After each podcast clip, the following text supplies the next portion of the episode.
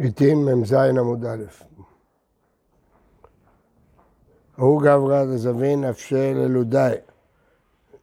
מכר את עצמו לשודדים כאלה שהם לפעמים אוכלי אדם. אתא לקמיה דרבי אמי, אמר ליה פרקן, תפדה אותי. אמר ליה תנן, המוכר עצמו ואת בניו לגויים, אין פודים אותו. פודים את הבנים. למה פודים את הבנים? משום קלקולא. כל שכן הכא דאיכא קטלא, שיש לך סיכון שיהרגו אותו, אז אם בשביל קלקול פודים, אז בטח בשביל פיקוח נפש. אמרו ליה רבנן לרבי אמי, האי ישראל מומר הוא, דקא חזו דקאכיל נבלות וטרפות. אמר להו, אימא לתיאבון הוא דקאכיל? הוא לא אוכל להכעיס, תיאבון. אמרו להם, ועזים לי דאכיל היתרה ואיסורה קמה, ושביק היתרה ואכיל איסורה.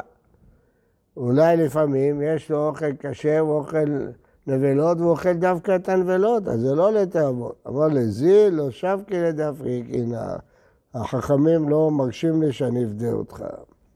יש לקיש, זבי נפשי אלודאי, גם הוא מכר את עצמו. אומר תוספות למעלה, קודם שחזר למוטב. שקל בעדי, חייתה וגללה. לקח לו איזה נוד של עור ובתוכו אבן שיש.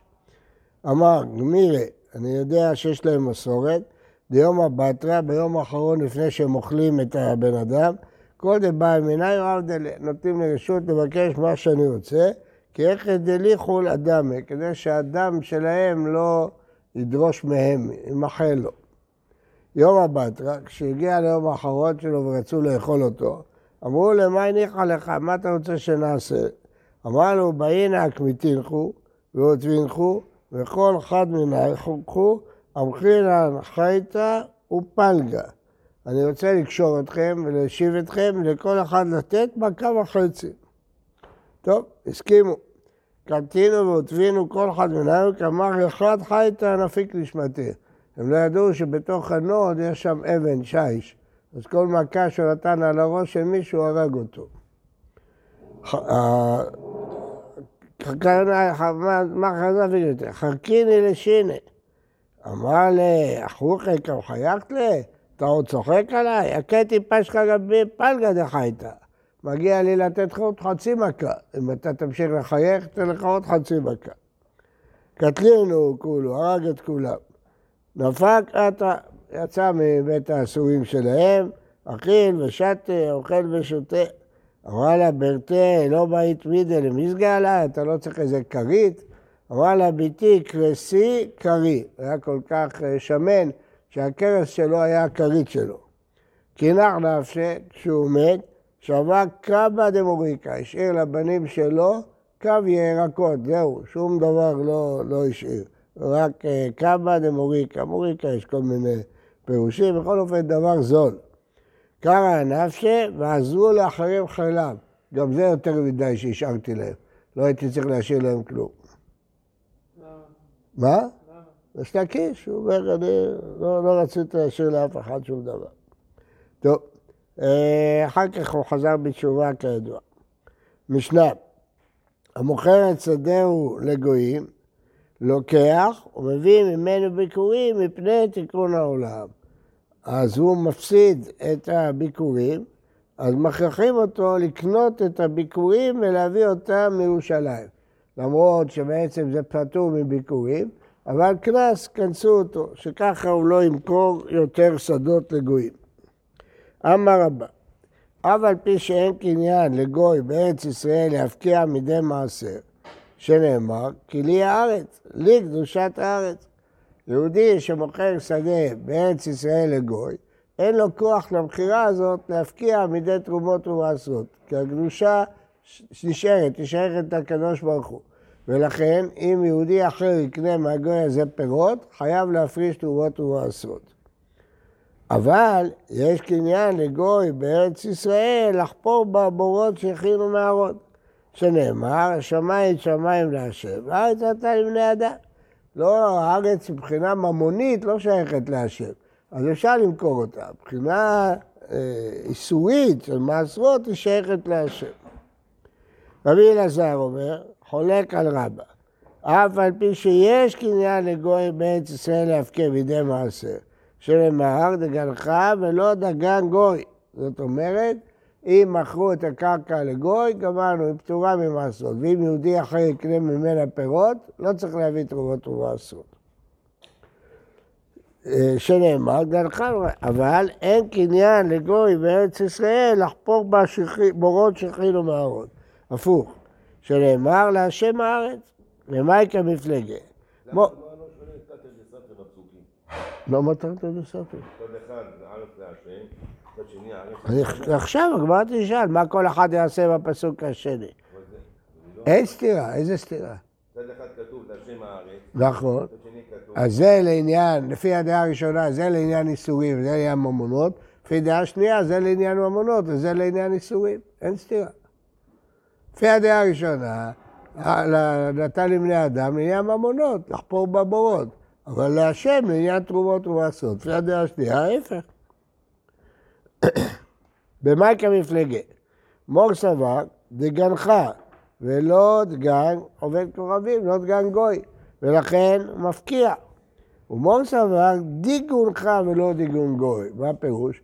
זה שמכרת את השדה לגוי חייב את תרומות מעשרות, אבל אם הגוי יעשה מרוח, זה ודאי שזה פטור. כלומר, אם הגוי כבר יכין את הפירות בארגזים, יסדר אותם, זה ודאי שזה פטור. מה, אם השדה של ישראל, הגוי יעשה מרוח, יהיה פטור? לא מדברים פה על שדה של מדברים ישראל שמכר את השדה לגוי. אם הגוי יעשה מרוח, למרות שהוא מכר את השדה לגוי, לא מפקיע, חייב במעשרות, אבל ברגע שהוא עשה מרוח, גמרנו, פטור. אז אם יהודי יקנה מהגוי פירות גמורים, פטור. למה? מה למה? שהוא לא יכול להפקיע את הקדושה לא יכול להפקיע, יש בזה קדושה. ולכן הארץ קדושה וחייבת במעשרות. אבל יש דין שצריך למרח בשביל להתחייב. פה הגוי עשה את המרוח. הארץ קדושה, אבל אין מרוח. בלי מרוח לא חייבים. לא. נכון. אבל עדיין לזה קדושה. בטח זה קדושה. הקרקע של גוי והתבואה של ישראל. מה זה קרקע של גוי? מדובר פה ביהודי שמכר את האדמה לגוי. לגמרי. אתה שואל מקרים חדשים, תחכה בסבלנות עד שנלמד. אה, דגנך ולא דגן גוי. והשני אומר, דיגונך ולא דגן גוי. אמר רבא, מנה אמינא לה, שאין קניין לגוי, דגנך ולא דגן גוי, מנה אמינא לה, דתנן. הלקט והשכחה והפאה של גויים חייבים במעשר. אלא אם כן הפקיר. איך ידע? מה מדובר פה? אם אמרת ישראל שהשדה של יהודי ולקטין הוא גוי, אלא אם כן הפקיר, המפקר וקיימר. אם של יהודי, הדלקת שכחה ופאה זה הפקר, לא חייב במעשרות. מה אכפת לי אם לקט את זה גוי או לקט זה יהודי? זה פטור. אלא לאו, דגוי. השדה הזאת בארץ ישראל שייכת לגוי, יהודי מכר לו את השדה.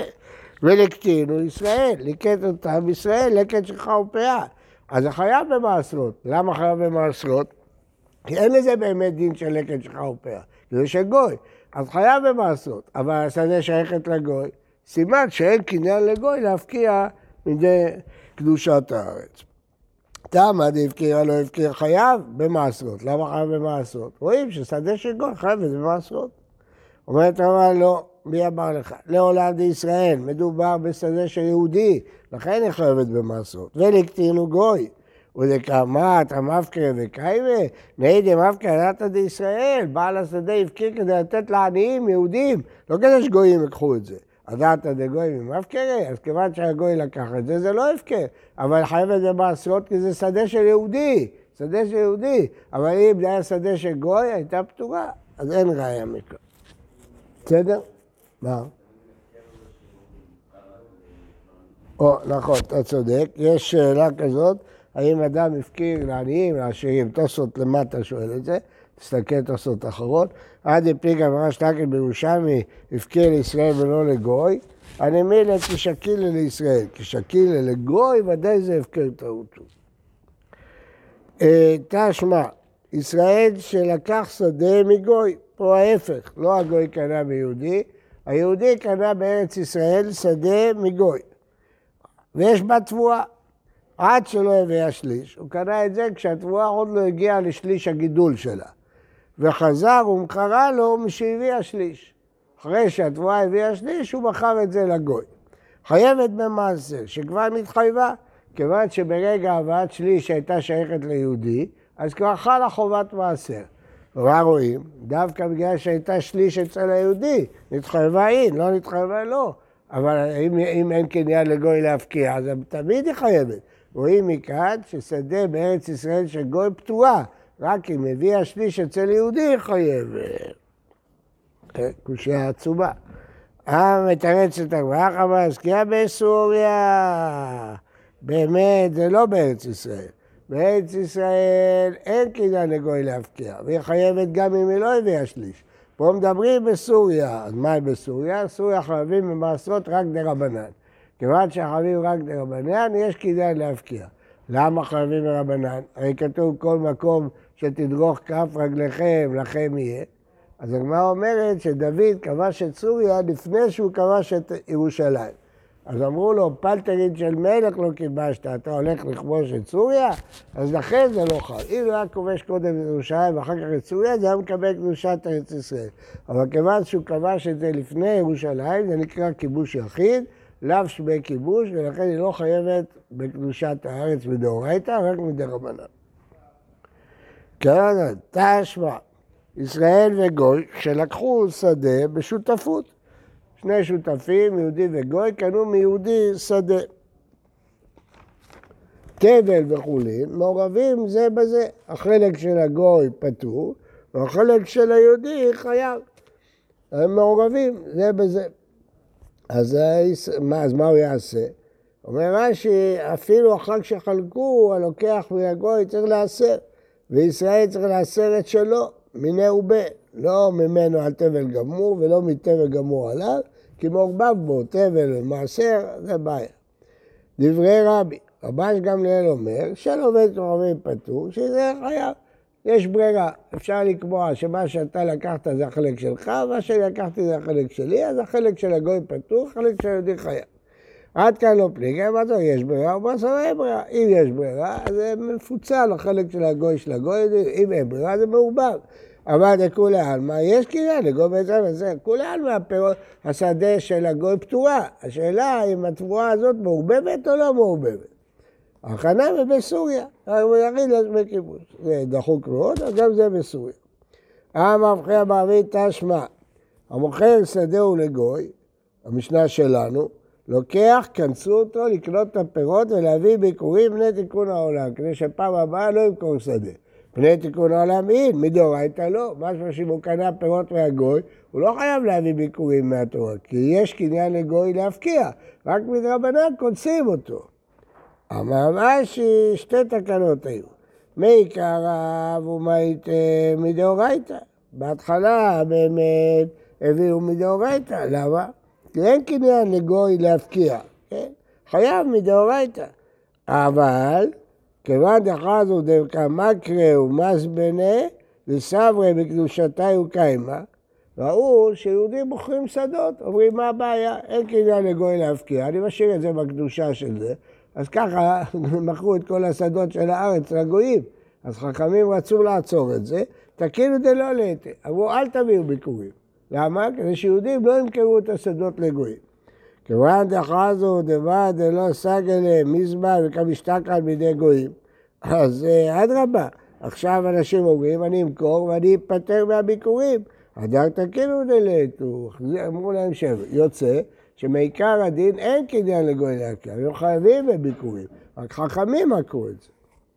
איתמה, ראייה נוספת. אה, משהו שהוא משער שיכול להיות, או בתור איזושהי מסורת שיודע שזה מה שהיה התקנה? לא יודע, זה קשה לדעת. איתמה, המוכר שדהו לפירות. הוא מכר לא ליהודי, לא לגוי, ליהודי אחר, לפירות.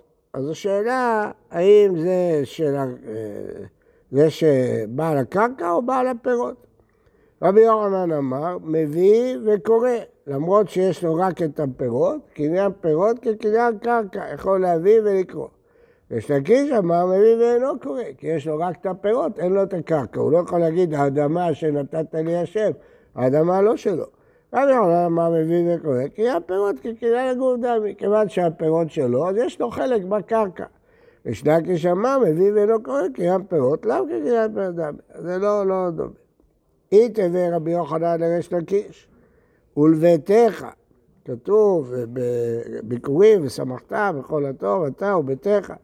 מלמד שאדם מביא ביקורי אשתו וקורא. הוא יכול להביא בשביל אה, ביקורים מהשדה של אשתו, נכסי מילוג, ולקרוא. מה זה נכסי מילוג? מה יש לבעל בנכסי אשתו? רק פירות, אין לו את הקרקע.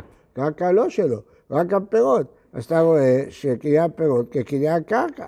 אבל אישה טוב, דכתיבו בביתך, זה דין מיוחד של התורה, שאדם יוכל להביא ביקורים של אשתו. איקדם. אית ויש לה גישה ביורנן, ולביתך מלמד שאדם מביא לאשתו וקורא, התלמוד דכתיב ולביתך, לכן הוא יכול.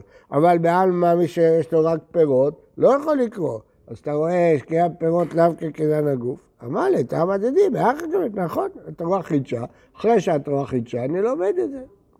בקיצור, אז מה המחלוקת לדבר על לקיש? האם אחרי שהתורה חידשה לביתך, אני לומד שכל קניית פירות קיים, או שאני לומד את דין מיוחד רק באישה.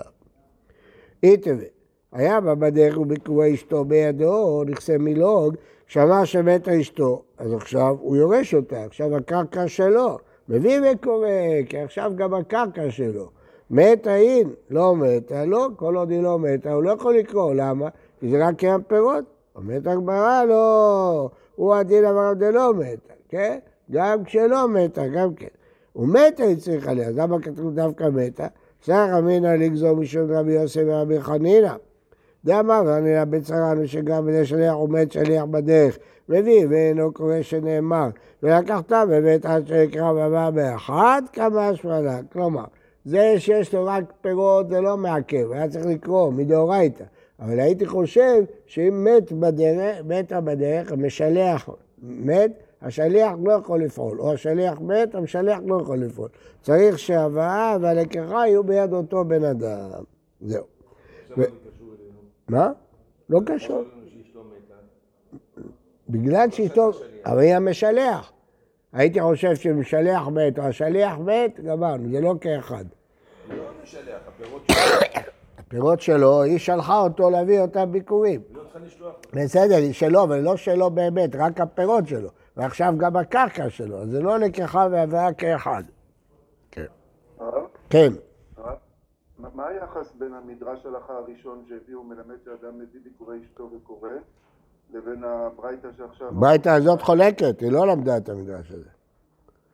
ודאי שהיא לא למדה, כי עמדנו דווקא עם מתה, באה ואמינא.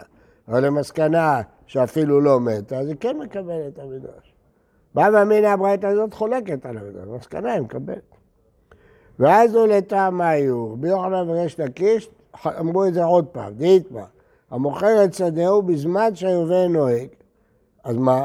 אז הקרקע הזאת תחזור. אז מה הוא מכר? רק את הפירות של 50 שנה, עד היובל. אבל הקרקע לא, לא תהיה של הקונה, היא תחזור.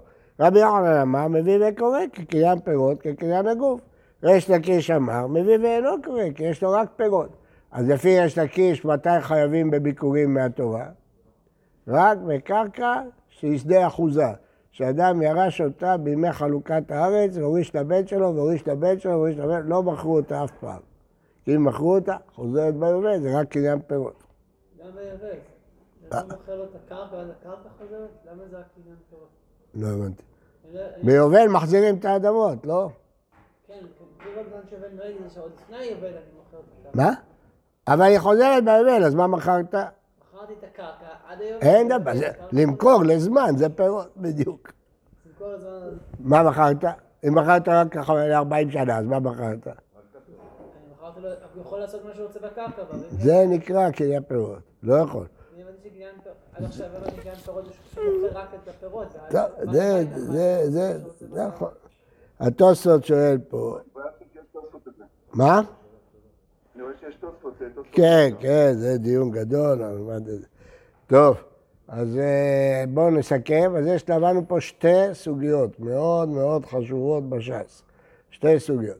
סוגיה ראשונה, אם יש קניין לגוי להפקיע מדי אה, תרומות ומעשרות. כלומר, האם כשיהודי מכר את השדה לגוי, מפקיעים אותה או לא מפקיעים אותה. לפי הדעה שאין קניין, אז היא נשארת בקדושה שלה. לפי הדעה שיש קניין, אז היא לא נשארת בקדושה שלה. אז אה, איך הלכה?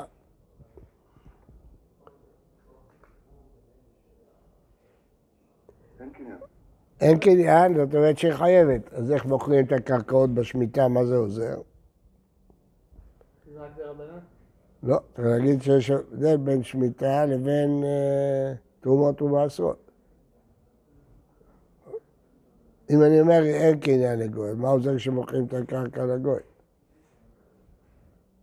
רק אם נגיד שאין אין קניין, זה לעניין תרומות ומעשרות. כלומר, לעניין אם אחר כך יהודית קונה את הפירות מהגוי, חייב בתרומות ומעשרות. אבל עכשיו הקרקע היא של גוי, היא לא של יהודי.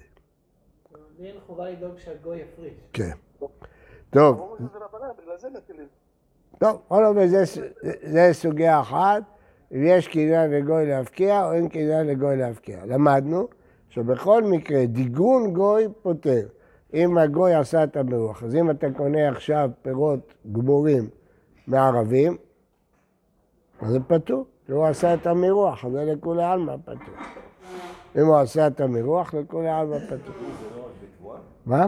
דיגון זה לא רק בתבואה? כל דבר, מרוח. מרוח זה תבואה. מרוח? זה כשאתה מכין את זה, כבר לא, לא צריכים לעשות מפקס, אז עשה כל מה שצריך. אתה קונה ארגז בשוק הסיטונאי, זה ממורח. אז אם זה של גוי, זה פטור מתרומת כי זה דיגון של גוי. דיגון חי ולא דיגון גוי, אז זה רק מדי רבנן. כן. אה, אז זו סוגיה ראשונה. סוגיה שנייה חשובה מאוד שלמדנו, היא האם קניין פירות כקניין הגוף, או קניין פירות לאו קניין הגוף. נפקא מינה, מי שקנה שדה לפירותיה, האם הוא יכול להביא ולקרות, או לא יכול לקרות. חוק את רבי יוחנן לקיש, ונפקא מינה עצומה ביובל. הבעיה שאנחנו פוסקים כי יש לקיש, שקניין פירות לאו כקניין הגוף. אז יוצא שכל השדות שנמכרו ביובל, לא מביאים בהם ביקורים מדאורייתא. רק שדה שאב לבן, אב לבן, אב לבן. אז אה, בעצם כמעט שלא תהיה מצוות ביקורים.